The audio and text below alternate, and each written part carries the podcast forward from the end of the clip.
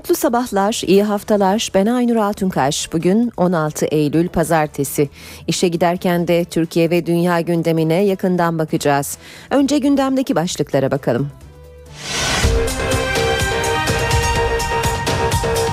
Yeni eğitim öğretim yılının ilk ders zili bugün çalıyor. Yaklaşık 17 milyon öğrenci ders başı yapacak. Binlerce servis aracı yola çıkıyor. PKK'nın çekilmeyi durdurduk açıklamasının ardından ilk kez açıklama yapan Abdullah Öcalan, süreç yeni bir formatla devam etmeli, ateşkes sürmeli dedi. Amerika Birleşik Devletleri, İngiltere ve Fransa Dışişleri Bakanları bugün Paris'te Suriye konusunu görüşecek. Amerikalı Bakan John Kerry, Dışişleri Bakanı Ahmet Davutoğlu'nu arayarak toplantıya davet etti. İstanbul Kadıköy'de Adalet, Özgürlük ve Barış için Eylül'de gel mitingi yapıldı. Konser ve gösterilerin ardından Söğütlü Çeşme'de olaylar çıktı. Polis barikat kuran grubu plastik mermi ve tazikli su kullanarak dağıttı. Olaylarda gözaltına alınanlar oldu. Hatay'da geçen haftaki gösterilerde hayatını kaybeden Ahmet Atakan için okutulan mevlitten sonra olaylar çıktı. Hatay Emniyeti de Atakan'ın binadan düşüş anı ile ilgili basına yeni görüntü dağıttı. 6 yıl önce suikasta öldürülen Agos gazetesi genel yayın yönetmeni Hrant Dink anısına verilen ödüle Türkiye'den cumartesi anneleri layık görüldü. İşe giderken gazetelerin gündemi.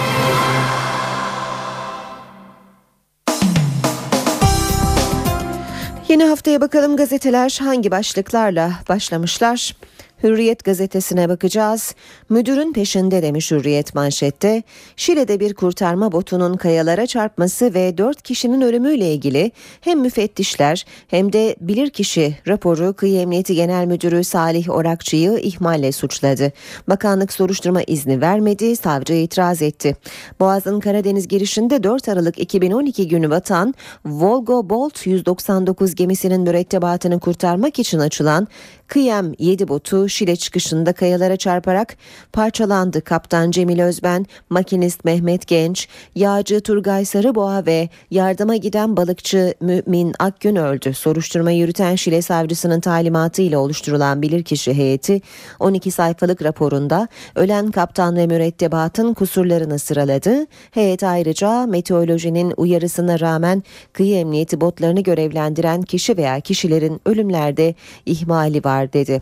Ölen mürettebatın yakınları ise ısrarla Salih Orakçı telefon açıp denize çıkmalarını istedi, tehdit etti diyordu. Ancak kıyı emniyetinde tüm yöneticiler için soruşturma izni veren bakanlık genel müdür Orakçı'nın soruşturulmasını onaylamadı. Savcı Asena Demirkol da Danıştay'a itiraz etti.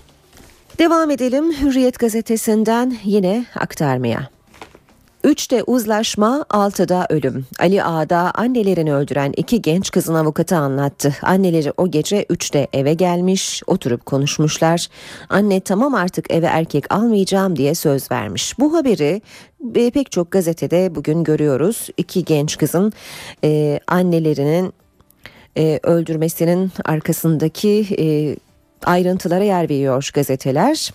Saati kurup 6'da uyanmışlar. Annelerinin e, odasını aralayınca benim e, kontrol ediyorsunuz diye saldırmış. Mutfaktan e, bıçak alınca şok cihazıyla bayıltmaya çalışmışlar. Boğuşurken küçük kız bıçağı saplamış diye anlatıyor. Avukat. Devam edelim sabah gazetesiyle. Biraz gözdağı biraz diplomasi diyor sabah sürmanşette. İran'ın yeni lideri Ruhani ile mektuplaşan Obama Şam'daki taktiği Tahran için de devreye soktu. Suriye'yi operasyon tehdidiyle sıkıştırıp kimyasal silahların devrini sağlayan Obama İran'la nükleer krizi konusunda da aynı stratejiyi izliyor. Ruhani ile mektuplaştığını açıklayan Obama askeri tehdidi diplomasiyle birleştirip sonuç alabiliriz dedi. Esad teslim belgesini imzaladı. Esad kimyasal silahları yasaklayan sözleşmeye katılmak için gereken belgeleri Birleşmiş Milletler'e resmen gönderdi. İstihbarat raporları Esad'ın kimyasal cephaneliğini Suriye'nin farklı noktalarındaki depolara dağıttığını gösteriyor. Az önce aktardığımız E, haberi sabahta da görüyoruz kızlarım 3 ay önce tükenmişlerdi e, başlığıyla İzmir'de annelerini öldüren iki genç kızın babalarının ifadelerine de genişçe yer vermiş sabah. Tecavüz bebeğinin zamanla yarışı sabahın manşeti emekli polisin tecavüzüyle hamile kalan RT karnındaki tek delil incelenmediği için kürtaj olamıyor. Genç kadın 48 saat içinde adli tıbba sevk edilmezse zoraki anne olacak diyor. Sabah gazetesi manşet haberinde. Milliyete bakalım. Milošević'ten farkı yok. Soykırım mağduru Kosova Başbakanı Taçi'den Esad değerlendirmesi. Suriye'de ölümlerin artacağını söyleyen Taçi, insan kasabı lakaplı Milošević'e benzettiği Esad için uzlaşmayla durdurulamaz dedi. Davutoğlu'na Paris daveti Dışişleri Bakanı Davutoğlu Amerikalı mevkidaşı Kerry'nin sürpriz daveti üzerine bugün Paris'e gidiyor. Suriye konusunda Rusya ile varılan anlaşma konusunda Paris'te temaslarda bulunan Kerry ile görüşecek olan Davutoğlu kimyasal silahların devri mutabakatı konusunda Türkiye'nin çekincelerini anlatacak. Beşiktaş fırtınası başlığıyla devam edelim. Lider Beşiktaş'ı Bursa Spor da durduramadı. Spor Toto Süper Lig'in dördüncü haftasında Bursa Spor deplasmanında 3-0 kazanmayı başaran Kartal birçok gol pozisyonunu da cömertçe harcadı. Goller Almeida, Almeida, Sivok ve Esküde'den geldi. 4 maçta 4 galibiyet alan Beşiktaş haftaya zorlu Galatasaray sınavına çıkacak diyor Milliyet haberinde. Cumhuriyet'te manşet katilleri biliyoruz. Gezi sürecinde oğullarını yitiren Antakyalı 3 anne faillerin korunmasına isyan ediyor. Armutlu'nun direnişçi gençleri Ali İsmail Korkmaz, Abdullah Cömert ve Ahmet Atakan'ın anneleri yitirdikleri çocuklarını anlatırken yaşananlara da isyan etti. Ahmet Atakan'ın annesi Emsal Atakan, benim oğlum düşüp öldüyse dahi onu yine polis öldürdü, yine Erdoğan öldürdü çünkü bu olayların kontrolden çıkmasına onlar neden oldu diye konuştu diyor Cumhuriyet gazetesinde. Haber bu şekilde yer almış. Eylül'de geldiler başlığı yine Cumhuriyet'te on binlerce yurttaş adalet, özgürlük ve barış için alanlarda buluştu. İstanbul Direniş e, Forumun forumlarının düzenlediği ve birçok sanatçıyla grubun sahne aldığı Adalet, Özgürlük ve Barış için Eylül'de gel mitinginde Gezi direnişinde yaşamını yitirenler anıldı. Mitingin ardından polis gaz ve plastik mermiyle müdahale etti. Çok sayıda gözaltı var diyor Cumhuriyet gazetesi haberinde. Bir diğer başlık İmralı'ya ziyaret. Başbakan Erdoğan'ın çözüm paketini ertelemesinin ardından BDP lideri Demirtaş ve Grup Başkan Vekili Buldan İmralı'ya gitti. BDP heyeti dönüşte Öcalan'ın mesajını yayımladı. Öcalan sürecin anlamlı bir müzakereye evrilmesini istedi. Hemen altında paketi ana dili kilitledi başlığını görüyoruz. BDP ısrarlı AKP karşı.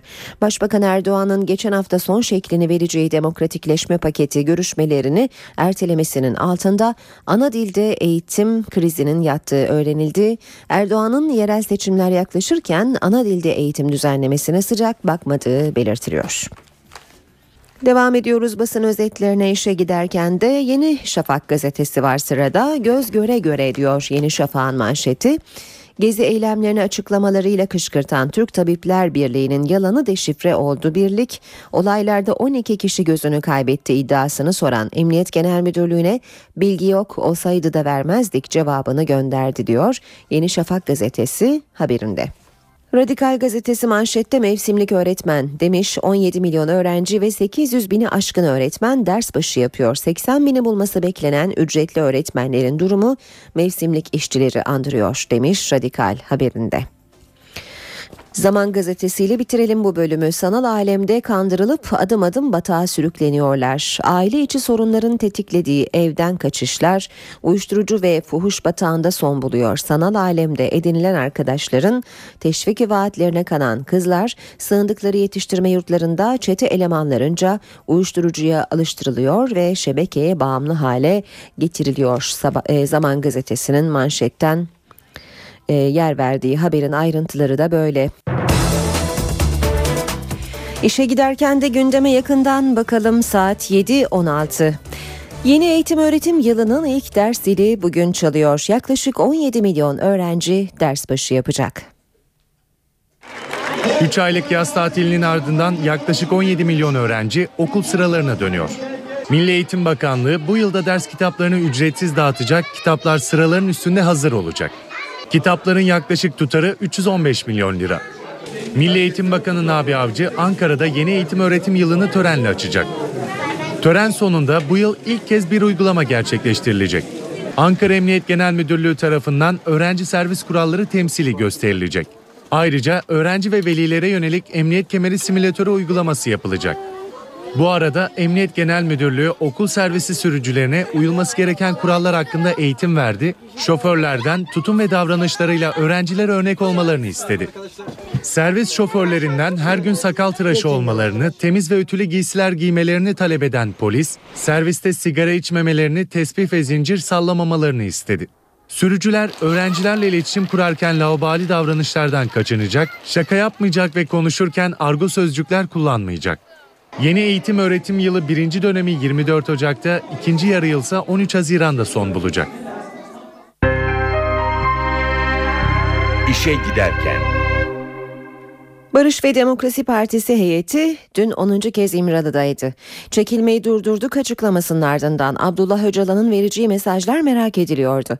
Öcalan sürecin yeni bir formatla sürdürülmesi gerektiğini söyledi. Diyalog süreci yeni bir formatla anlamlı bir müzakereye evrilterek derinleştirilerek sürdürülmeli. Değerlendirme Abdullah Öcalan'dan. KCK'nın çekilmeyi durdururuz açıklamasının ardından çözüm süreci tıkandı mı tartışmaları sürerken BDP heyeti İmralı'ya gitti. BDP eş genel başkanı Selahattin Demirtaş ve Grup Başkan Vekili Pervin Buldan Abdullah Öcalan'la 10. kez görüştü. Görüşmenin ardından Abdullah Öcalan'ın kamuoyuna mesajı yazılı bir açıklamayla duyuruldu. Bir yıl önce başlattığımız diyalog sürecini bundan böyle yeni bir formatla yani anlamlı bir müzakereye evrilterek, derinleştirerek sürdürmek gerektiğini düşünüyorum. Anlamlı bir müzakere için gerekli olanak ve araçları devlete de Kandil'e de iletmiş durumdayım. Özellikle devletin derinlikli bir müzakere için yeterli araçları ve imkanları yaratması sürecin ilerlemesi için elzemdir. Çözüme gidecek yolların ancak bu şekilde açılacağı gerçeğinden hareketle hükümetin de konuyu ciddiyetle ele almasını umuyorum. Öcalan karşılıklı ateşkesinde devam etmesi gerektiğini söyledi. BDP'liler ve Öcalan arasındaki görüşmede salı günkü değerlendirme toplantısının ardından Başbakan Recep Tayyip Erdoğan tarafından açıklanması beklenen demokratikleşme paketi sonrasında izlenecek yol haritası da masaya yatırıldı. Demokratik Toplum Kongresi'nin ana dilde eğitime dikkat çekmek için okullarda boykot çağrısına Diyarbakır Valisi Cahit Kıraç'tan yanıt geldi. Vali çocuğun okula gitmemesi bu sorunu çözmez dedi. Çocukların eğitim ihtiyacının giderilmesi için boşluk bırakmamaları gerektiğini söyleyen Vali Kıraç, kentte bu konuda gerekli tedbirlerin alındığını belirtti. Sorunun çözüm yerinin parlamento olduğunu söyleyen Kıraç, çocuklarımızın olması gereken yerlerde olmasını istiyoruz dedi. Demokratik Toplum Kongresi ana dilde eğitim sorununa dikkat çekmek için yeni eğitim ve öğretim yılının ilk haftası okullarda bir haftalık boykot çağrısı yapmıştı. Türk Silahlı Kuvvetleri'nden Güneydoğu'daki köy korucularına silahınızı kullanırken dikkatli olun uyarısı geldi. Artık silahını vatandaşlara baskı aracı olarak kullanan ve eğlence ortamlarında silahını ateşleyen korucular hakkında yasal işlem başlatılacak. Koruculuk kaldırılacak mı tartışmaları sürerken sayıları 70 bini bulan geçici ve gönüllü köy koruyucuları silah kullanımı konusunda uyarıldı. Doğu ve Güneydoğu bölgelerindeki köy korucularına silahlarınızı baskı unsuru olarak kullanmayın denildi. Talimat yazısı köylerde cami ve okullara asıldı. Korucular kendilerine verilen silahları yasal sınırları içinde kullanmalıdır. Geçici ve gönüllü köy korucuları kendilerine verilen silahları düğün, bayram gibi eğlencelerde ateşlemek suretiyle yasalara aykırı olarak kullanamaz. Bunun dışında diğer vatandaşlara karşı baskı unsuru olarak kullanmalarına da müsaade edilemez. Böyle durumlar cezai müeyyide gerektirir. Korucular silahlarını güvenli yerlerde muhafaza etmeleri konusunda da uyarıldı.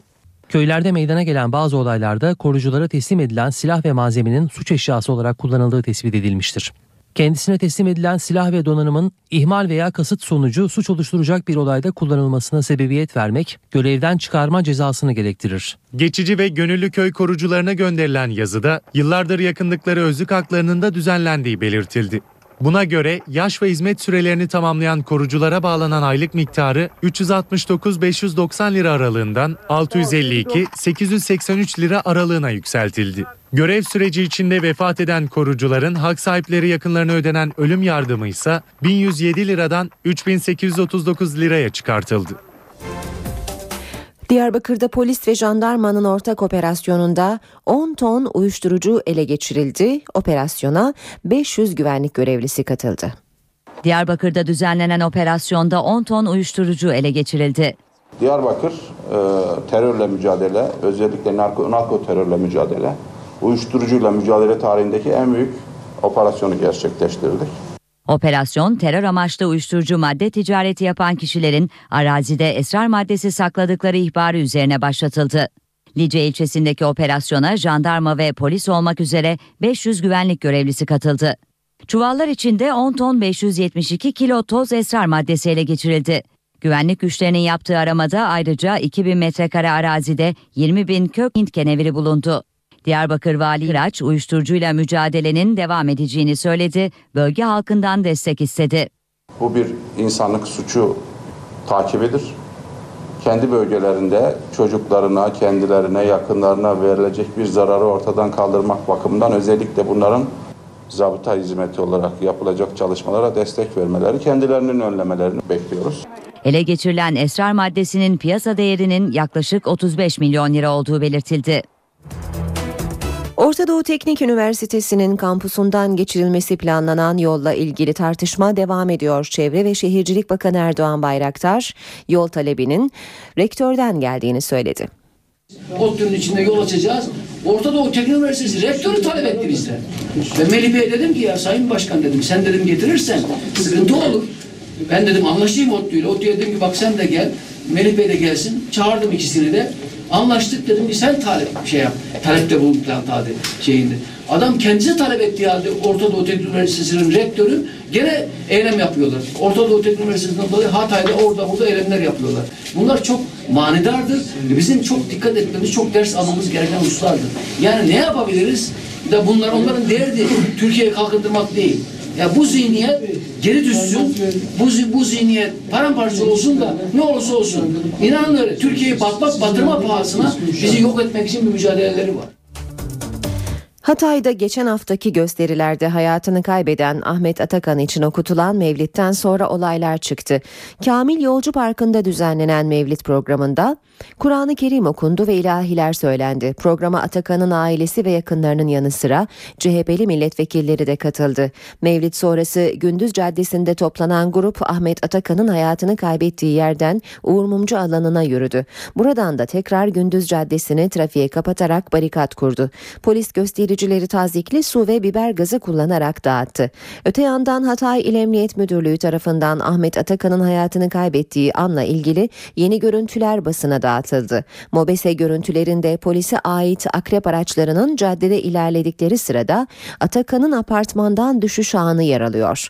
Araçların geçişinin ardından cadde üzerinde bulunan eylemciler ve bazı vatandaşların e, Atakan'ın düştüğü yere doğru yöneldikleri görülüyor.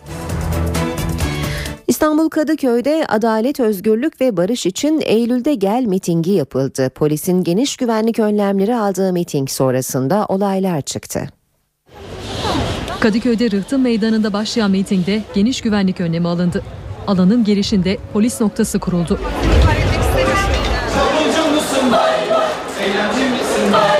Etkinlikte Yeni Türkü, Bulutsuzluk Özlemi, Grup Yorum, Kardeş Türküler ve Hayko Cepkin gibi isimler sahne aldı. Saat 21'e kadar süren etkinlikte Gezi Parkı protestoları sırasında hayatını kaybedenler anıldı. Konser bitimine kadar polis ve göstericiler karşı karşıya gelmedi. Ancak daha sonra tansiyon yükseldi. Etkinliğin ardından kalabalık bir grup Söğütlü Çeşme Caddesi üzerinde barikat kurup ateş yaktı. Eylemciler toma ve plastik mermilerle yapılan müdahalenin ardından ara sokaklara dağıldı. Aralarında bir gazetecinin de bulunduğu bazı kişiler gözaltına alındı. Polis ve göstericiler arasındaki kovalamacalar gece yarısından sonra da sürdü. İstanbul Kadıköy'de cuma gecesi hayatını kaybeden Serdar Kadakal toprağa verildi. Ailesi Kadakal'ın kalp krizinden ölmediğini, kesin ölüm nedeninin tespiti için otopsi yapılmasını istediklerini söyledi.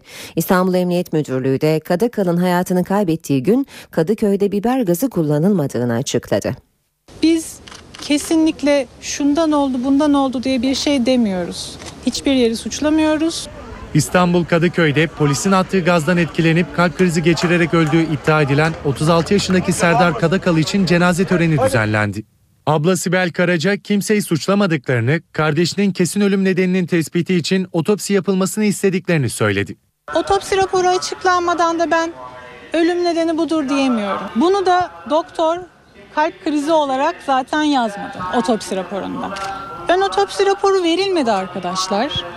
Emniyetten yapılan açıklamada Kadakal'ın hayatını kaybettiği gece Kadıköy'de hiçbir yerde biber gazı kullanılmadığı açıklandı.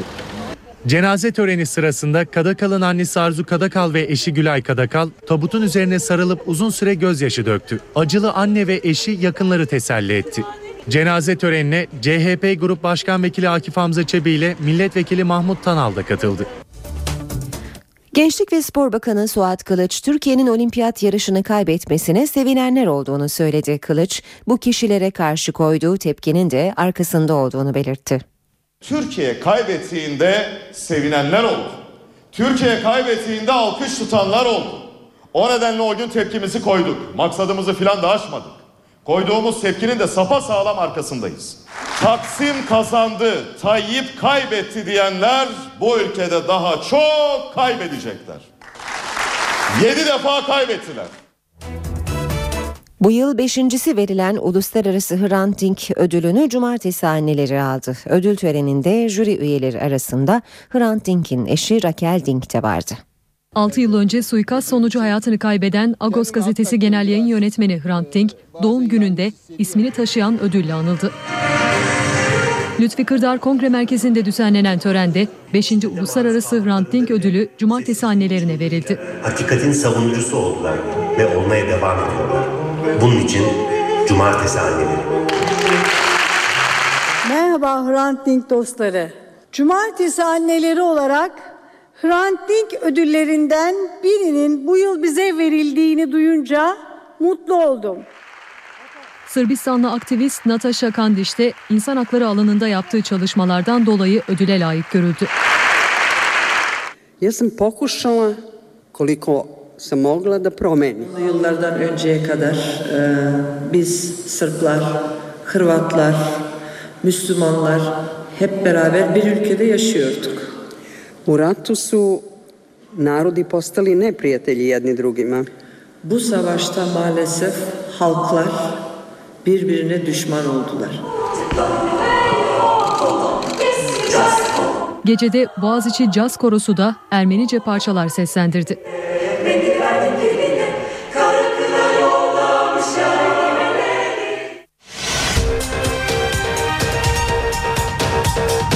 Yeni eğitim öğretim yılının ilk ders zili bugün çalıyor. Yaklaşık 17 milyon öğrenci ders başı yapacak. Binlerce servis aracı yola çıkıyor.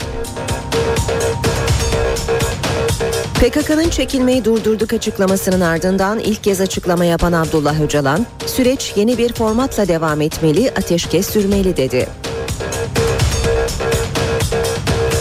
Amerika Birleşik Devletleri, İngiltere ve Fransa Dışişleri Bakanları bugün Paris'te Suriye konusunu görüşecek. Amerikalı Bakan John Kerry, Dışişleri Bakanı Ahmet Davutoğlu'nu arayarak toplantıya davet etti. İstanbul Kadıköy'de Adalet, Özgürlük ve Barış için Eylül'de gel mitingi yapıldı. Konser ve gösterilerin ardından Söğütlü Çeşme'de olaylar çıktı. Polis barikat kuran grubu plastik mermi ve tazikli su kullanarak dağıttı. Olaylarda gözaltına alınanlar oldu. Hatay'da geçen haftaki gösterilerde hayatını kaybeden Ahmet Atakan için okutulan mevlitten sonra olaylar çıktı. Hatay Emniyeti de Atakan'ın binadan düşüş anı ile ilgili basına yeni görüntü dağıttı. 6 yıl önce suikasta öldürülen Agos gazetesi genel yayın yönetmeni Hrant Dink anısına verilen ödüle Türkiye'den cumartesi anneleri layık görüldü.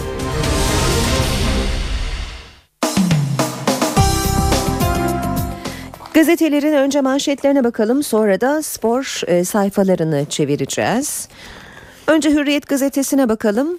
Müdürün peşinde diyor Hürriyet manşette. Şile'de bir kurtarma botunun kayalara çarpması ve 4 kişinin ölümüyle ilgili hem müfettişler hem de bilirkişi raporu Kıyı Emniyeti Genel Müdürü Salih Orakçı'yı ihmalle suçladı. Bakanlık soruşturma izni vermedi, savcı itiraz etti. Devam edelim Milliyet gazetesiyle manşette Milošević'ten farkı yok başlığını görüyoruz Milliyet'te.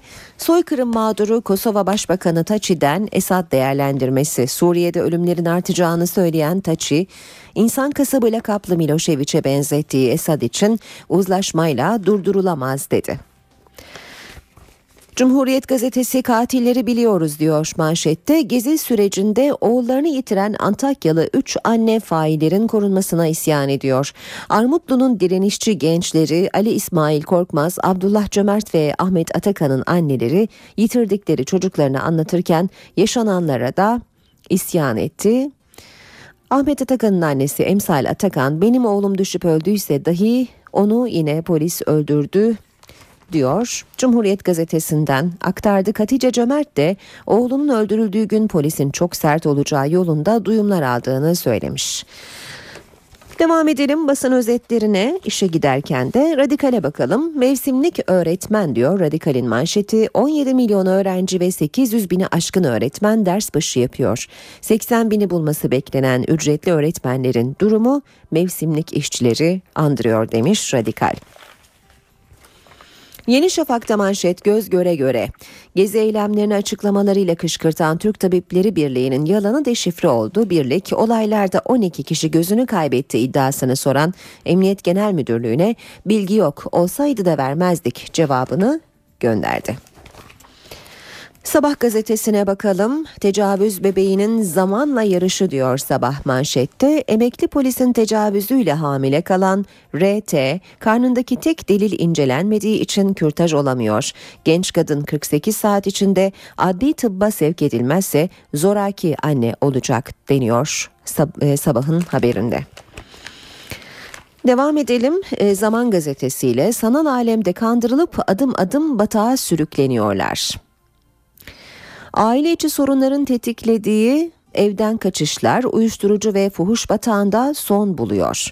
Sanal alemde edinilen arkadaşların teşvik ve vaatlerine kanan kızlar sığındıkları yetiştirme yurtlarında çete elemanlarınca uyuşturucuya alıştırılıyor ve şebekeye bağımlı hale getiriliyor.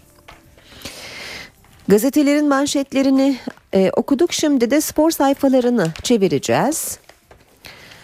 Hürriyet gazetesiyle başlayalım. Beşiktaş gibi taş e, kırmızı harflerle yazılmış ve Beşiktaş'tan da ayrılmış. Bursa'yı hem de deplasmanda tuş etti. 10 yıl sonra ilk kez 4'te 4 yaparak liderliğini sürdürdü. Bursa ile gergin bir rekabet içindeki Kartal rakibe tek pozisyon vermedi. Almeida, Sivok ve Esküde ile sonuca gitti. Pazar günkü Galatasaray maçı öncesi taraftarına umut aşıladı. Saygıyla eğiliyorum. Bilic dün akşam tüm futbolcularının kusursuz oynadığını ve takımına 10 üzerinden 10 verdiğini söyledi. Almeida'nın şakası yok. Bursa Spor maçını da boş geçmeyen Beşiktaş'ın Portekizli forveti bu sezon oynadığı 6. maçındaki 6. golünü attı. Olimpiyat rekortmeni diyor Hürriyet'te başlık. Lider Beşiktaş son yılların kötü istatistiklerini de düzeltiyor. Dörtte dört yaparak lige fırtına gibi giren Beşiktaş bu arada kendisine ait birçok rekoru yakırdı veya egale etti. Kara Kartal şimdi gözünü olimpiyat stadında hem 5'te 5'e hem de 76 bin kişilik taraftar rekoruna dikti. Kıracağı rekorlar 5'te 5 bu hafta Galatasaray'ı yenerse 94-95 ve 2003-2004'ten sonra ilk kez 5'te 5 yapacak. Derbiyi alırsa Atatürk Olimpiyat Stadında üst üste 4 maç kazanma başarısı gösterecek. Derbi için hali hazırda 68 bin bilet satıldı, 8 bin daha satılırsa 76 binlik olimpiyat full olacak diyor Hürriyet haberde. Yine Hürriyet'ten okumaya devam ediyoruz. En kötü maçımız Sivas olsun. Ersun Yanal, Fenerbahçeli futbolculara Yiğdo ile oynanan karşılaşmanın görüntülerini izletip böyle demiş. Tecrübeli hoca yeni bir hedef daha belirledi. Sarı lacivertli ekibin teknik direktörü Yanal bu saatten sonra hiçbir haftada Sivas Spor mücadelesindeki performansın altına düşemeyiz. Her maçta futbolumuzun üzerine biraz daha koyup ilerlemeliyiz diye konuştu. Holmen etkisi sürecek mi? Fenerbahçe'nin Kadıköy'de Sivasspor'u 5-2 yendiği maçta İstanbul Büyükşehir Belediye'den gelen Samuel Holman yıldızlaşmış takımını sırtlamıştı. Sivas maçında ne yaptı? Şut 3 şut, 2 isabetli şut, 33 pas, 2 gol pozisyonu, 2 faul, bir e, kendisine yapılan bir faul ve topla oynama 1 dakika 44 saniye toplam dakika 80 demiş Hürriyet haberinde. Bu arada e, bugün Kasımpaşa ile oynayacağını Fenerbahçe'nin hatırlatalım. Karşılaşma saat e, 20'de başlayacak. Recep Tayyip Erdoğan stadında oynanacak. Maçı Kamil Abitoğlu yönetecek. Hürriyetten okumaya devam ediyoruz. Zafer'in şifresi özgürlük, sınırsız yabancı. Yabancı kontenjanı nedeniyle ligde sadece 6 lejyonerini kullanabilen Fatih Terim, yarınki Real Madrid maçında özgürce hareket edebilecek. Dev maça en az 7 yabancı oyuncuyla başlayacak olan Terim, diğer yabancılarını da yedek soyunduracak. Sarı kırmızılı hiçbir yabancı bu kez tribüne çıkmayacak, kulübede hazır kıta olacak. Bale İstanbul'a geliyor. Sarı Kırmızılı ekibin rakibi Real Madrid'in 20 kişilik İstanbul kafilesindeki isimler belli oldu. Yeni transfer Gareth Bale'in de yer aldığı kadroya sakat olan Marcelo, Xavi Alonso ve Rafael Varane alınmadı diyor Hürriyet haberinde. Trabzon cephesine bakalım. Yusuf'u versek Bruma'yı almazlardı. Hacı Osmanoğlu sezon başında Fatih Terim'in genç futbolcuyu istediğini ama vermediklerini açıkladı. 2010-2011 sezonunun şampiyonluk kupasını almak için çalışmalarına devam ettiklerini belirten Trabzonspor Başkanı her şeyi hazırlayıp ondan sonra federasyona başvuracağız. Başvuru yaptın mı kupayı alacağız dedi. Hürriyet gazetesinden aktardık spor haberleri. Devam edelim okumaya. Milliyet gazetesine bakalım şimdi de. Yine önce Beşiktaş e, haberiyle başlayacağız. Kara elmas diyor Milliyet başlıkta. Bursa Spor'a deplasmanda adeta futbol dersi veren Beşiktaş yine göz kamaştırdı. Günlerdir sonucu merakla beklenen buluşmada Kartal güçlü rakibi karşısında daha ilk dakikadan itibaren sazı eline aldı. Kusursuz oyunuyla 3 puanı kolay kaptı. Perdeyi Almeida açtı. Sivok'un kafası farkı ikiye çıkardı. İkinci yarıda Esküde ile galibiyeti perçinleyen siyah beyazlı ekip ligde 4'te 4 yaparak iddiasını kanıtladı. En güzel hediye Almeida bu galibiyeti burada olamayan taraftarımıza armağan ediyorum dedi. Sivok'ta birer gol ve asistle 30. yaş gününü kutladı. Milliyetten okumaya devam edelim. Kartal'dan çifte vurgun. Süper Lig'e 9 yıl sonra 4'te 4 ile başlayan Beşiktaş, Bursa Spor'un sahasındaki 314 günlük yenilmezlik unvanını da bitirdi. Timsah en son 5 Kasım 2012'de Kasımpaşa'ya kaybetmişti. Dünya kriterleri Ersun Yanal başarılı bir Fenerbahçe için olmazsa olmazları sıraladı. Sarı lacivertli ekibin hocası 9-10 kilometre koşarak bir yere varamayacaklarını belirtti. Çıtayı en az 12 kilometreleri taşımalıyız. Yetenek yetmez, herkes arkadaşı kadar koşmalı. Ayrıca dayanıklılık ve mücadele konusunda yukarılara çıkmalıyız uyarısında bulunduğu öğrenildi. Yusuf'u Terim istedi. Trabzonspor Başkanı Hacı Osmanoğlu Galatasaray'ın hocası Terim'in genç oyuncuları Yusuf Erdoğan'ı kendilerinden istediğini söyledi. Verseydik 10 milyon euroluk adam değil Yusuf orada olacaktı dedi. Az önce de aktardık Hürriyet gazetesinden. Gel bakalım Real Galatasaray'ın yıldızları Türk Telekom Arena'da yarın konuk edecekleri Real Madrid'den çekinmiyor. Drogba Şampiyonlar Ligi çok farklı bir arena ve bu karşılaşmada o enerjiyi bularak onlara problemler çıkaracağız. İyi bir sonuç alacağımızı düşünüyorum demiş. Bruma benim için çok özel bir maç çünkü Real Madrid ve Cristiano Ronaldo'ya karşı ilk kez forma giyeceğim büyük bir kapasiteye sahibiz. Kimse bizi yabana atmasın diye konuşmuş. Çedru'da Şampiyonlar Ligi'ne iyi başlamalıyız. Özellikle sahamızdaki tüm maçları kazanmamız gerekiyor. Herkese saygı duyuyoruz ama kimseden korkmuyoruz açıklamasını yapmış. Şampiyon Banvit, TÜBAT Banvit turnuvasında Galatasaray ve Efes'in ardından güçlü Rus rakibi Kimki'yi de devirmeyi başaran bandırma ekibi organizasyonu zirvede bitirdi. İstanbul'un kralı Kenan, Dünya Süper Sport Şampiyonası'nda sezonun 11. yarışı Intercity İstanbul Park pistinde yapıldı. Kenan Sofuoğlu Türk seyircilerin de desteğini arkasına alarak mutlu sona ulaşmayı başardı. NTV Radyo'da işe giderken de gazetelerden spor haberleri okuyoruz. Sabah gazetesinden de bir başlık aktaralım. Sürek avı. Slaven Bilic'in Beşiktaş'ına yan bakılmıyor. Kartal, Trabzonspor, Kayseri Erciyes ve Gaziantep Spor'dan sonra Bursa Spor'u da deplasmanda affetmedi. Ev sahibi ekibe top göstermeyen siyah beyazlı takım Hugo Almeida ile öne geçti. Soyunma odasına Sivak'ın golüyle rahat gitti ve Esküde ile farka koştu demiş Sabah gazetesi de haberde. Ve e, bir başlık daha aktaralım. Sabah gazetesinden ve bu bölümü de böylece noktalayalım. Yanal'ın paşa formülü ceza sahasına girişleri tehlikeli, ortaları etkili, cepheden şut çektirmeyin, kalecileri cepheden kötü, kornerden gol yiyorlar. Bunu iyi değerlendirin. Kasımpaşa maçı öncesi Ersun Yanal'ın taktiklerine yer vermiş yine. Sabah gazetesi de haberinde Emre yüzünden Sov tribüne başlığını da görüyoruz. Ersun Yanal'la Sov'un arasındaki buzlar eridi ancak Senegalli Kasımpaşa maçında da 6 yabancı kontenjanı nedeniyle 18 kişilik kadroda yer alamayacak. Kasımpaşa Fenerbahçe maçının saat 20'de başlayacağını bir kez daha hatırlatarak bu bölümü noktalayalım.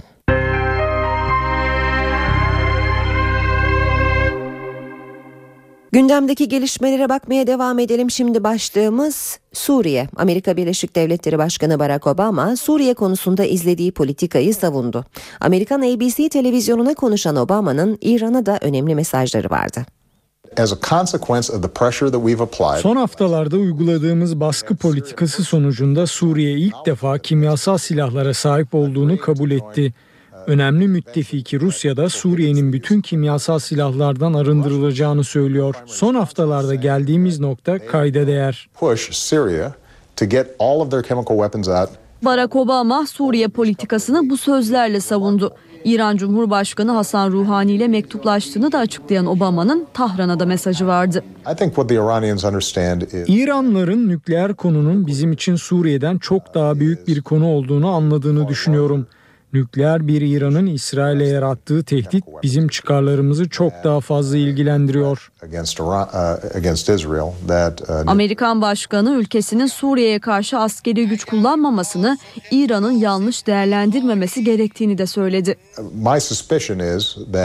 İranlılar Suriye'yi vurmadık, İran'ı da vurmayacağız gibi bir ders çıkarmasınlar. Buradan çıkarmaları gereken ders bu konuların diplomatik yollarla çözülebileceği. Kimyasal silahlar konusunda varılan uzlaşmanın ardından bugün Paris'te önemli bir toplantı yapılacak. Toplantı için Ankara'ya da davet geldi. Daveti Amerika Dışişleri Bakanı John Kerry yaptı. Dışişleri Bakanı Davutoğlu Paris'te Amerika, İngiltere ve Fransa Dışişleri Bakanlarıyla Suriye'yi masaya yatıracak. Bu toplantı öncesinde Bakan Davutoğlu Ankara'da Suriyeli muhaliflerin temsilcileriyle bir görüşme yaptı. Davutoğlu kimyasal silahlar konusunda varılan mutabakatla ilgili muhaliflerin görüşlerini dinledi. Paris'te bugün yapılacak görüşme öncesi Fransa Cumhurbaşkanı François Hollande Amerika ve Rusya arasındaki anlaşma için varış noktası değil sadece bir aşama dedi. Fransa'da bir televizyon kanalına konuşan Hollande, anlaşmaya uyulmaması halinde Suriye yönetimine karşı gündeme gelecek yaptırımların önceden belirlenmesi gerektiğini söyledi. Birleşmiş Milletler Güvenlik Konseyi'ne sunulacak tasarının bu hafta sonuna kadar oylanabileceğini ifade eden Hollande, askeri operasyon seçeneğinin saklı tutulması gerektiğini, aksi takdirde planın yaptırımı olmayacağını da söyledi. Bu arada Şam rejiminden de bir açıklama var. Esad yönetimi Amerika Birleşik Devletleri ile Rusya'nın Suriye'nin kimyasal silahlar konusunda vardığı anlaşmayı zafer olarak niteledi. Suriye'de uzlaştırma görevini üstlenen Bakan Ali Haydar Rus basınına konuştu. Haydar ülkesinin kimyasal silahlardan arınmasını öngören anlaşmayı memnuniyetle karşıladıklarını söyledi. NTV Radyo Günaydın herkese yeniden yeni saate başlıyoruz. Birazdan Gökhan Abur yanımızda bize son hava tahminlerini aktaracak. Önce gündemdeki başlıkları bir kez daha hatırlatalım. Yeni eğitim öğretim yılının ilk ders zili bugün çalıyor. Yaklaşık 17 milyon öğrenci ders başı yapacak. Binlerce servis aracı yola çıkıyor. PKK'nın çekilmeyi durdurduk açıklamasının ardından ilk kez açıklama yapan Abdullah Öcalan, süreç yeni bir formatla devam etmeli, ateşkes sürmeli dedi. Amerika Birleşik Devletleri, İngiltere ve Fransa Dışişleri Bakanları bugün Paris'te Suriye konusunu görüşecek. Amerikalı Bakan John Kerry, Dışişleri Bakanı Ahmet Davutoğlu'nu arayarak toplantıya davet etti. İstanbul Kadıköy'de Adalet, Özgürlük ve Barış için Eylül'de gel mitingi yapıldı. Konser ve gösterilerin ardından Söğütlü Çeşme'de olaylar çıktı. Polis barikat kuran grubu plastik mermi ve tazikli su kullanarak dağıttı. Olaylarda gözaltına alınanlar oldu. Hatay'da geçen haftaki gösterilerde hayatını kaybeden Ahmet Atakan için okutulan mevlitten sonra olaylar çıktı. Hatay Emniyeti de Atakan'ın binadan düşüş anı ile ilgili basına yeni görüntü dağıttı. 6 yıl önce suikasta öldürülen Agos gazetesi genel yayın yönetmeni Hrant Dink anısına verilen ödüle Türkiye'den cumartesi anneleri layık görüldü. Bize uzunca gelen bir aradan sonra Gökhan Abur yine yanımızda. Günaydın Sayın Abur hoş Günaydın. geldiniz. Günaydın. Ee, son hava tahminlerini sizden dinlemeyi özlemiştik. Bugün de e, artık hem okullar açılıyor hem de e, Eylül'ün de ortasını geçtik sayılır. E, yeni hava tahminleri için e, sıcağı sıcağına sizden dinleyelim neler söylersiniz. Evet geçen hafta oldukça sıcak bir hafta geçirmiştik. Bu hafta okulların da açılmasıyla birlikte sonbahar yavaş yavaş kendisini hissettirecek gibi gözüküyor. Sıcaklıklar mevsim ortalamaları civarında olacak hafta boyu ama yer yer yağışlar var. Sonbaharı anımsatan bu yağışlar e, Ege'de, Akdeniz'de, Marmara'da yer yer kuvvetli sağanaklar şeklinde kısa sürelerle bu hafta içinde görülecek. E, şu an itibariyle Doğu Karadeniz bölgemizde bulutlanma bir hayli fazla ve orada çok kısa süreli yağış geçişleri görülüyor. Trabzon, Rize, Artvin arasındaki bu yağışlar gün içinde aralıklarla devam edecek. Akşam saatlerinde ise Ege'de bulutlanma artacak. Özellikle Güney Ege'de artmasını beklediğimiz bulutlanmayla birlikte Gece yarısı ve özellikle yarın Bodrum'dan başlayarak e, sağanaklar Bodrum, e, Datça ve Marmaris arasındaki bölgeden Kaş'a doğru Fethiye Körfezi'ne doğru ilerleyecek. Bu bölgede kuvvetli yağışlar var. Yarın için ayrıca yer yer doğuda Adana civarında da yağış bekliyoruz ki bu yağışlar Adana, Mersin, Osmaniye, Hatay arasında giderek etkisini yarın öğleden sonra ve özellikle çarşamba sabahı kuvvetlendirecek ve bu doğudaki yağışlar aralıklarla etkisini sürdürecek. Ee, iç kesimlerde Gece sıcaklıkları azalmaya başladı. Son ölçümlere bakıyorum. Ankara 6 derece olmuş gece. Bugün de bu gece de beklediğimiz sıcaklık 9 derece civarında. Ama gündüz sıcaklığı 28 dereceye kadar Ankara'da çıkacak. İzmir'de ise gün içinde lodos var. Lodos'tan dolayı sıcaklık yine 30 dereceler civarında. Ama gece bulutlanma artacak. İzmir'in güney ilçelerinde daha kuvvetli olmak üzere gece yarısından sonra yağış bekliyoruz. Güneyde Antalya'da sıcaklıklar yine 30 dereceler civarında. Rüzgar çok kuvvetli değil. Ee, İstanbul'da ise İstanbul'da ise e, şu anda sıcaklık 20 derece civarında. Hava genellikle açık açık az bulutlu olacak. İstanbul'da bugün yağış beklemiyoruz. Rüzgarlar çok kuvvetli değil. Çarşamba günü İstanbul'da bir yağış olasılığı var. Bunlarla ilgili detayları da sizle yarın paylaşmak istiyorum. Böyle bir sonbahara Evet. merhaba dediğimiz bir haftaya başladık. Teşekkür ediyoruz Gökhan Abur. Kolay gelsin. İşe giderken gazetelerin gündemi.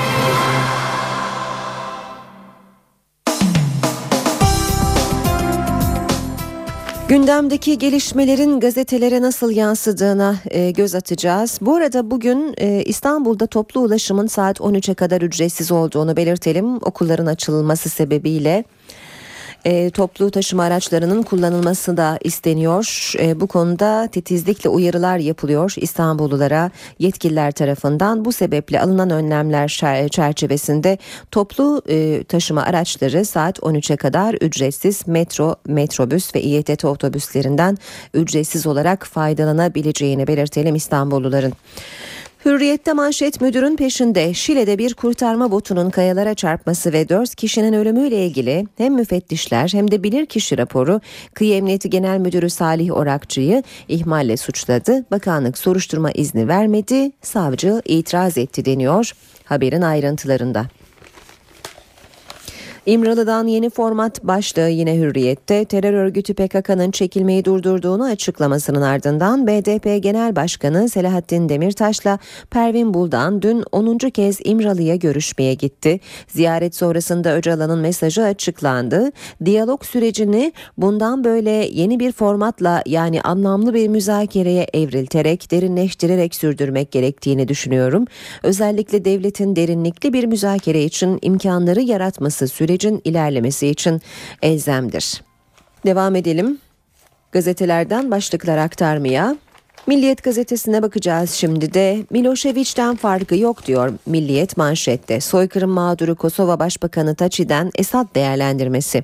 Suriye'de ölümlerin artacağını söyleyen Taçi, insan kasabıyla kaplı Milošević'e benzettiği Esad için uzlaşmayla durdurulamaz dedi.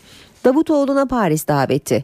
Dışişleri Bakanı Davutoğlu, Amerikalı mevkidaşı Kerry'nin sürpriz daveti üzerine bugün Paris'e gidiyor. Suriye konusunda Rusya ile varılan anlaşma konusunda Paris'te temaslarda bulunan Kerry ile görüşecek olan Davutoğlu, kimyasal silahların devri mutabakatı konusunda Türkiye'nin çekincelerini anlatacak. HES'leri vatandaşa tanıtmamak hataydı. Orman Bakanı Eroğlu, hidroelektrik santraller tüm dünyada teşvik ediliyor. Halka tanıtmaya gerek yok diye düşündük, yanıldık.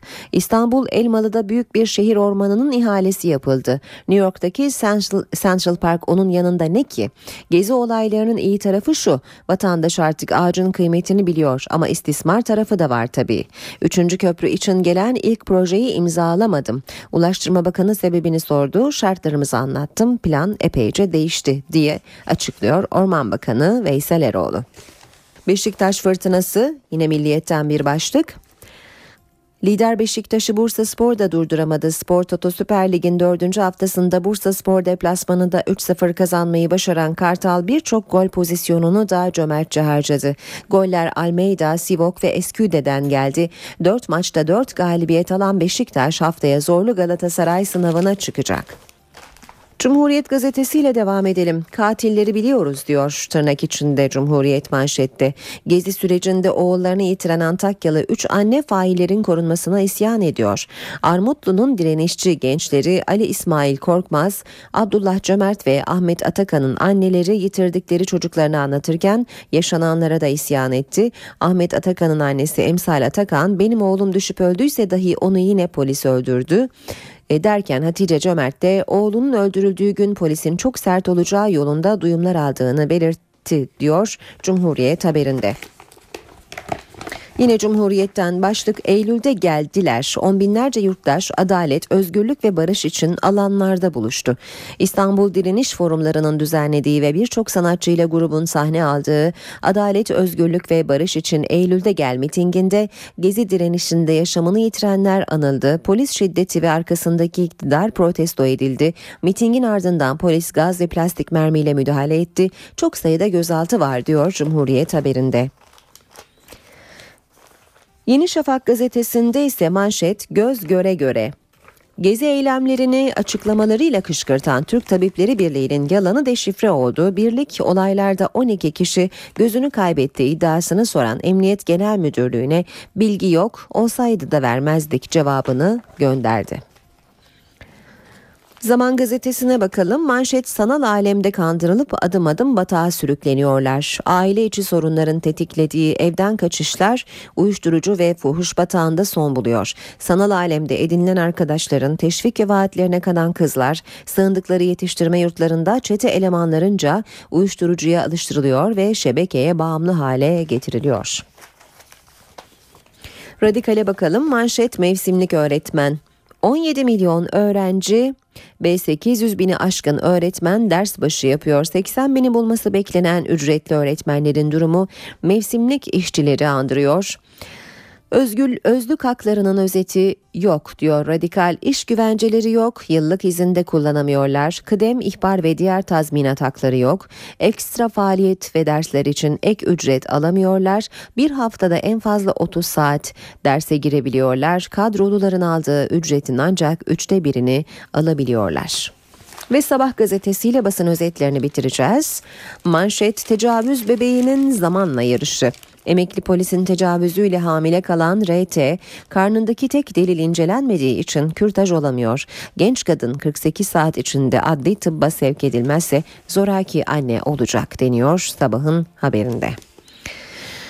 70 yılın felaketi 700 kişi kayıp. Amerika, Kaliforniya'daki korkunç yangının yaralarını saramadan bu sefer Colorado'daki sel felaketiyle boğuşmaya başladı. Şiddetli yağışın yol açtığı seller ve toprak kaymaları nedeniyle 6 kişi öldü, 700'den fazla kişiden haber alınamıyor. 14 şehir afet bölgesi ilan edildi.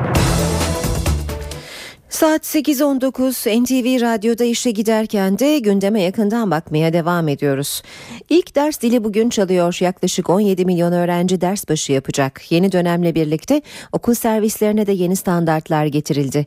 Artık serviste argo konuşmak ve tesbih sallamak yasak. Kriterler sadece bunlar değil. İşte ayrıntılar. Servis şoförleri artık tesbih sallamayacak, geç kalan öğrenciye kızmayacak ve her gün tıraş olacak. Yeni eğitim öğretim yılında servis şoförlerine yeni kriterler geliyor. Kriterler Emniyet Genel Müdürlüğü'nün verdiği eğitimde anlatıldı.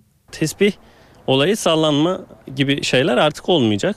E, çünkü öğrenciler e, en çok bizleri görüyorlar. Araç içerisinde de birebir bizimle muhatap oluyorlar. Örnek alabileceği kişiler olarak bizler ön planda olduğumuz için onlara güzel örnekler teşkil etmemiz gerekiyor. Şoförler temizliklerine azami özen gösterecek, her gün sakal tıraşı olacak, kişisel bakımlarına dikkat edecekler. Görev süresi boyunca firmaların belirlediği kıyafetleri giymeleri gereken sürücülerin elbiseleri de temiz ve ütülü olacak. Sabah geç kalan, emniyet kemerini takmayan, araç içi kurallara uymayan öğrencilere kırıcı sözler söylenmeyecek. Bu öğrencilerle ilgili araç içi uygunsuzluk formu doldurulacak ve servis müdürlüklerine iletilecek. Servis şoförleri öğrencilere şaka yapmamaları ve arga sözcükler kullanmamaları konusunda da uyarıldı. Sürücüler öğrencilerin kendisi, ailesi, arkadaşları ve tuttuğu takımla ilgili olumsuz şeyler söylemeyecek. Ayrıca öğrencilere sarılma, kucaklama, öpme ve benzeri fiziki temaslarda bulunma hangi sebeple olursa olsun öğrencilere fiziki ya da kaba muamelede yasaklar arasında.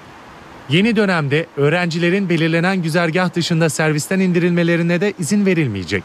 Alışveriş merkezi ve oyun parkı gibi alanlarda aracı durdurma talepleri karşılanmayacak. Okul servisi araçlarına taşınması zorunlu öğrenciler dışında başka kimse alınmayacak. Okulların açılmasıyla binlerce servis aracı da yola çıkıyor. NTV ekipleri İstanbul'un çeşitli noktalarından trafik durumunu aktaracak. Burak Özcan Kavacık Köprüsü'nden. Şimdi e, karşımızda e, Baran Bila'da Altunizade'de. Önce Kavacık'tan Burak Özcan'ı dinleyelim. 2013-2014 eğitim öğretim dönemi bugün başlıyor. Tabii okulların açıldığı günler İstanbul trafiğinin de en yoğun olduğu günlerden olur. Şimdi biz ikinci köprü trafiğinden bahsedeceğiz size. Şu an biz e, Fatih Sultan Mehmet Köprüsü'nün hemen Anadolu girişindeyiz. Şu an için burada köprü ağzında trafiğin akıcı şekilde devam ettiğini söylemek mümkün ancak Koz Yatağı'ndan köprüye gelen yolda zaman zaman yoğunluklar yaşanabiliyor. Özellikle Ümraniye Koz Yatağı arasında trafiğin yoğun olduğundan bahsetmek mümkün. Kavacık e, Ümraniye arasında da zaman zaman trafik yavaşlıyor ancak çok büyük bir e, kitlenme olmadığını söyleyebiliriz. Tabii bugün 14.591 okul servisi yola çıkıyor. Bu yoğunluğu, bu servis araçlarının yaratabileceği yoğunluğu önlemek için İstanbul Büyükşehir Belediyesi'nin aldığı, aldığı bazı önlemler var. Kısaca onlardan bahsedelim. Özellikle toplu taşımayı özendirmeye yönelik bazı tedbirler var. Bugün saat 06 ile 13 saatler arasında tüm toplu taşıma araçları ücretsiz olacak ve ek seferler de konulmuş durumda hem otobüslere hem şehir hatları vapurlarına. Onun dışında okul servisleri e, özel otobüsler için özel olarak ayrılan yolları kullanabilecekler. E, İsparklarda ücretsiz park edebilecekler. Bunun dışında İstanbul Emniyet Müdürlüğü yine yaklaşık 2500 kadar polisle trafik akışını sağlamaya çalışıyor ve zabıta memurları da okul çevrelerinde bin kadar zabıta memuru trafik düzenlemesi e, yaparak polise destek oluyor. Şimdi bir kez daha bulunduğumuz noktaya dönersek biz Fatih Sultan Mehmet Köprüsü'nün Andolu girişindeyiz dedik. Şu an için köprü girişinde trafiğin akıcı şekilde devam ettiğini söylemek mümkün. NTV muhabiri Baran Bila da Boğaziçi Köprüsü'nün Anadolu yakası tarafında Altunizade'de şimdi de Baran'ı dinleyelim. Okulların açılmasıyla birlikte bugün İstanbul trafiğinin nasıl bir hal alacağı da merak konusu. Biz de şu an Anadolu yakasındayız. Altunizade Köprüsü'ndeyiz. Yani İstanbul trafiği açısından kritik bir nokta olan Boğaziçi Köprüsü'ne katılımı rahat bir şekilde görebiliyoruz buradan. Çok yoğun bir trafik var, çok sıkışık bir trafik var. Yaklaşık bir saattir manzara bu şekilde Boğaziçi Köprüsü'ne katılımda ve hemen gerideki bağlantı yollarında Altunizade'de de yoğun bir trafik olduğunu söyleyebiliriz. Araçlar ağır ağır sürücüler ağır ağır yollarına devam ediyorlar. Aslında bu saatler zaten İstanbul trafiği açısından biraz sıkıntılı saatlerdir. Zira İstanbulluların işe mesai yetişmeye çalıştığı bir zaman dilimi içerisindeyiz. Ancak bugün servis araçlarının da yola çıkmasıyla birlikte trafik yaz aylarına oranda her zaman olduğunda bir parça daha ağır ilerliyor. Bir parça zor bir şekilde daha zor bir şekilde sürücüler yollarına devam ediyorlar. Diğer istikamette ise yani Avrupa'dan Anadolu'ya geliş istikametinde ise her sabah olduğu gibi hemen hemen her sabah olduğu gibi herhangi bir problem bulunmuyor. Burada akıcı bir trafik var.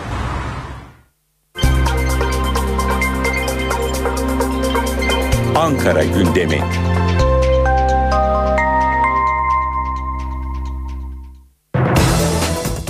İstanbul'dan Ankara'ya geçelim şimdi de başkent gündemi için karşımızda NTV muhabiri Deniz Kilislioğlu var. Deniz günaydın. Ben de sizlere günaydın diyorum Ankara'dan. Ee, başkentte gündemi alacağız senden önce ama e, bugün yeni eğitim öğretim yılı başlıyor. İstanbul'da özellikle trafikte dikkat çekici bir yoğunluk var. Başkentte yeni eğitim öğretim yılının açılışında ne gibi mesajlar verilecek bugün? Bir başkent havası alalım senden önce. Evet kuşkusuz e, her yıl olduğu gibi eğitim öğretim yılının başladığı ilk gün her trafik yoğun oluyor. Ankara'da da farklı bir tablo yok İstanbul'dakinden. E, yoğun e, nispeten diğer günlere göre yoğun bir trafikle karşılaştık bugün Ankara'da. Tabii 17 milyon öğrenci Türkiye genelinde ders başı yapacak. Yeni eğitim öğretim yılının e, ilk dersini bugün e, çalıyor. Milli Eğitim Bakanı Nabi Avcı da e, bugün e, Eğitim Enstitüsü'nde bir ilkokulda düzenlenecek törenle açacak yeni eğitim öğretim yılını. Tabii Nabi Avcı'nın e, kişiliğine e, bugüne kadar yaptığı açıklamalara baktığı zaman e, bakıldığı zaman muhtemelen e, öğrencilere e, genellikle e, eğitime dönük mesajlar vermesini bekliyoruz. Ee, okul e, başarılarının yanı sıra kendilerini eğitmelerine yönelik mesajlar vereceğini de söyleyebiliriz. Tören sonunda bu yıl ilk kez bir uygulama olacağını da aktaralım. Ankara Emniyet Genel Müdürlüğü tarafından öğrenci servis kuralları temsili olarak gösterilecek ama bu yıl artık servis şoförleri de bir takım kurallara tabi olacak. Bu yıldan itibaren diyelim. Ee, belli kurallar getiriliyor. Her gün sakal tıraşı olmak, temiz ve ütülü elbiseler giymek gibi bir takım e, kuralları hayata geçirecekler. Evet. Serviste sigara içemeyecekler, tespih sallamayacaklar. İşte bu eğitim öğretimiyle birlikte okul servislerindeki bu kriter, yeni kriterlerde uygulanmaya başlanacak diyelim. Peki diğer taraftan siyasetin gündemi de yoğun. Hem İmralı'dan gelen yeni mesajlar, diğer tarafta Suriye hala gündemde. Bugün Bakanlar Kurulu toplanacak. Bu konuda neler söyleyebilirsin? Evet Bakanlar Kurulu'nun e, ana gündem maddelerinden biri sizin de söylediğiniz gibi çözüm süreci. KCK'nın çekilmeyi durduruyoruz açıklamaları vardı.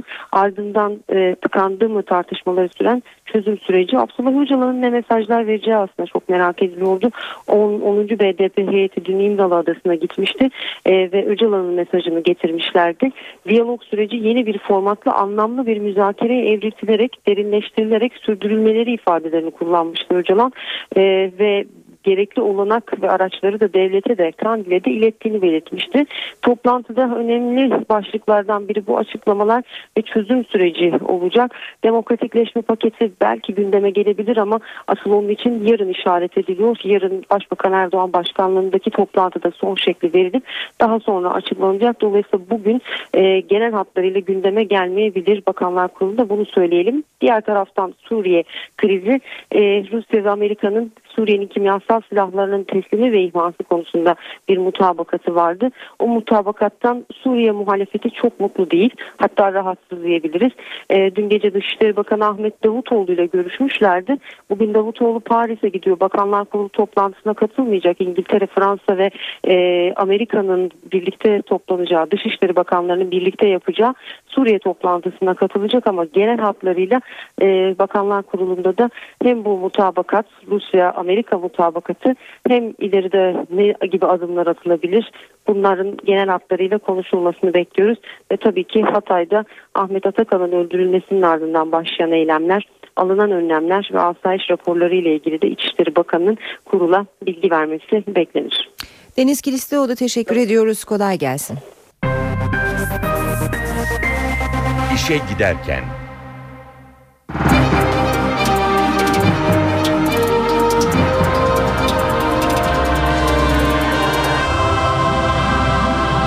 económica.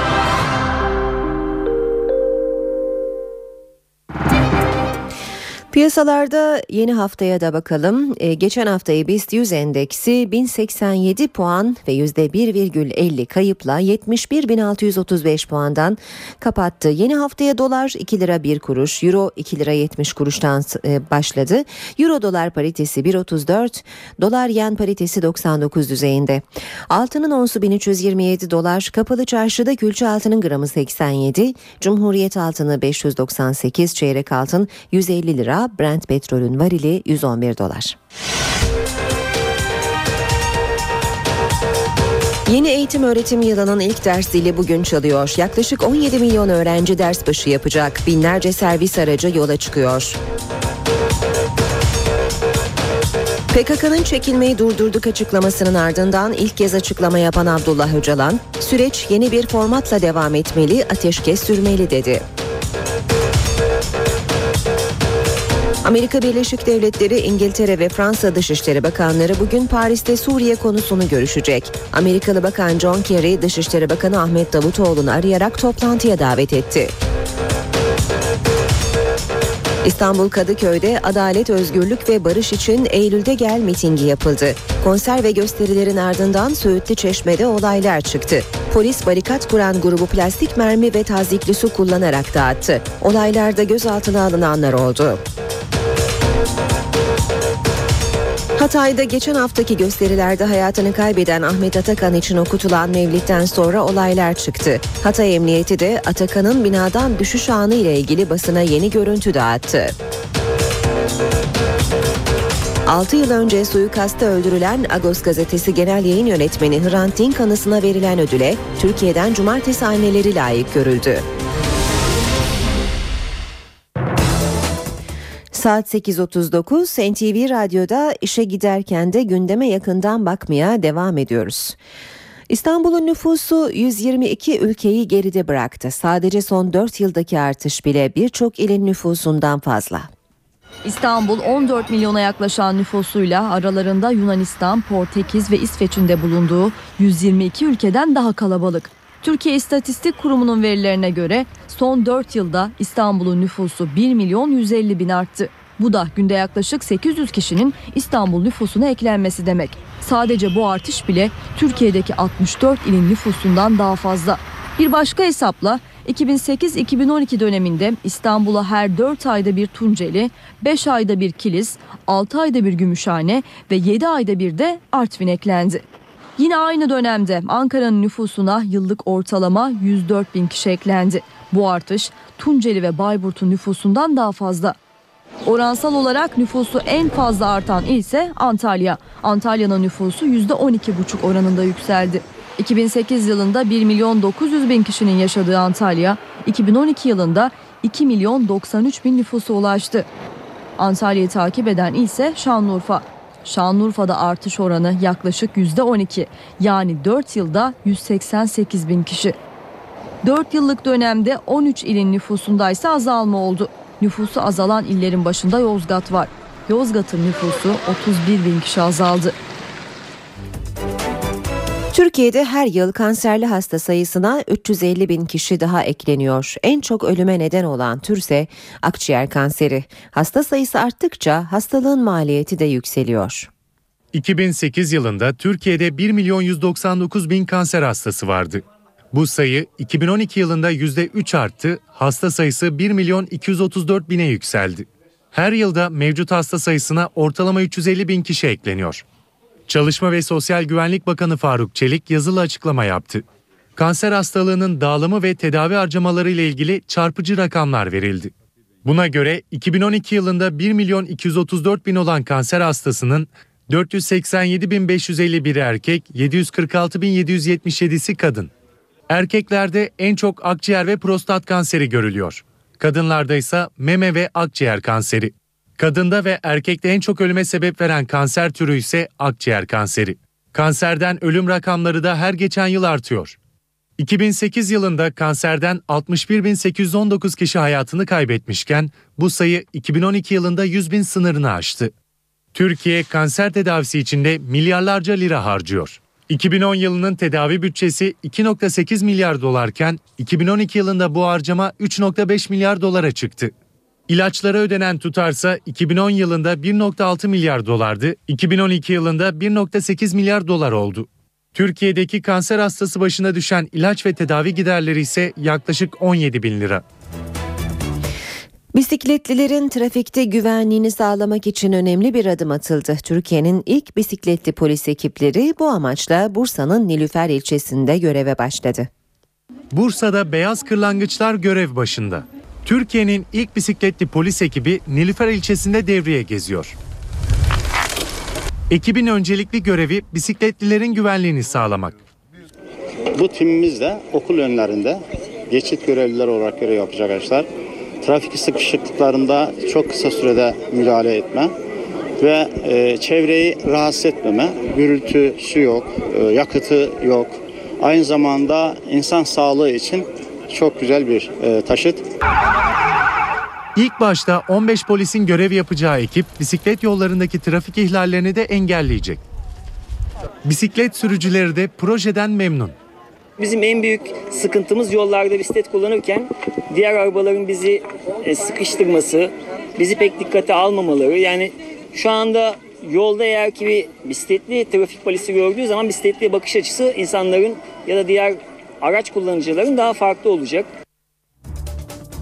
Yıl sonuna kadar hizmete girmesi planlanan Ankara-İstanbul yüksek hızlı tren hattında kullanılacak trenlerin rengini vatandaşlar belirleyecek. Ankara-İstanbul arası seyahat süresi 3,5 saatten 3,5 saate inecek. Yüksek hızlı tren hattı için geri sayım devam ediyor. Devlet Demiryolları söz konusu hatta çalışacak tren setleri, setlerinin rengini vatandaşların belirlemesi için anket düzenledi. Türkiye Cumhuriyeti Devlet Demiryolları'nın internet adresindeki ankette vatandaşlara 8 değişik renk modeli sunuluyor. 21 Eylül'e kadar devam edecek anket sonucunda vatandaşlar tarafından en çok tercih edilen renk modeli Ankara-İstanbul hızlı tren seferlerinde kullanılacak.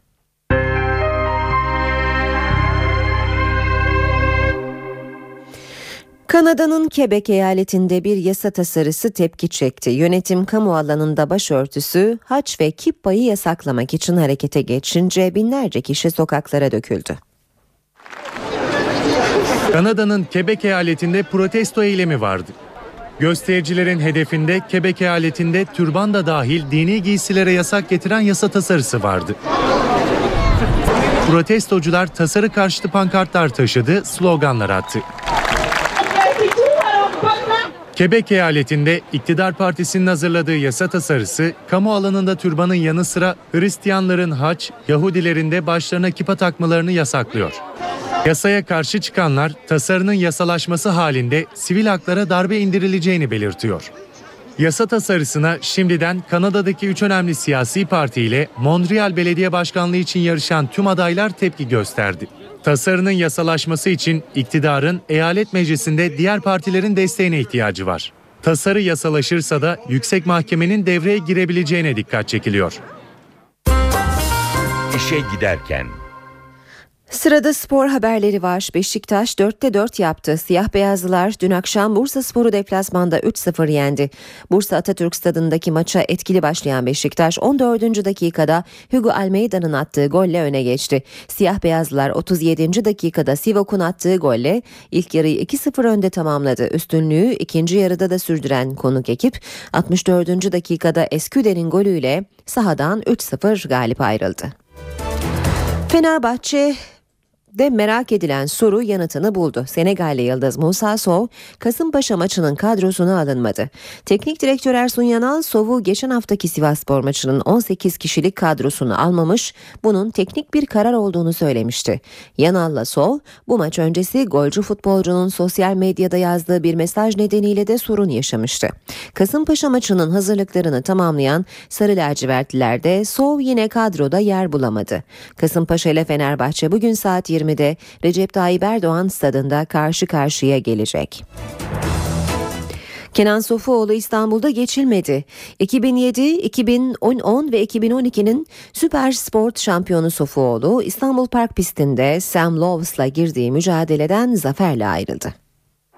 İstanbul'da yapılan Dünya Süper Spor Şampiyonası'nın 11. yarışını Mahir Racing Team India takımının Türk pilotu Kenan Sofuoğlu kazandı. İstanbul Park pistinde yapılan yarışın özellikle son turları büyük bir çekişmeye sahne oldu. Büyük Britanyalı Sam Lowes ile birincilik mücadelesi veren Sofuoğlu son turlarda yaptığı atakla yarışı ilk sırada tamamladı.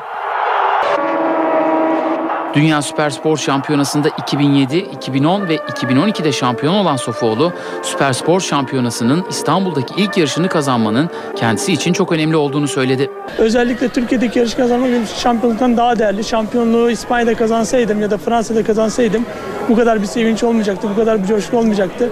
İstanbul yarışı benim için şampiyonluktan daha önemliydi. Genel klasman lideri Lowes yarışı ikinci sırada tamamlarken Hollandalı Michael van der Merck ise üçüncü oldu. Avrupa voleybolunun en büyüğü Rusya oldu. Avrupa Şampiyonası'nın final maçında ev sahibi Almanya'yı yenen Rusya tarihinde 18. kez podyumun en üst basamağına çıktı. Turnuvanın üçüncülük maçında ise Belçika son şampiyon Sırbistan'ı 3-2 mağlup etti.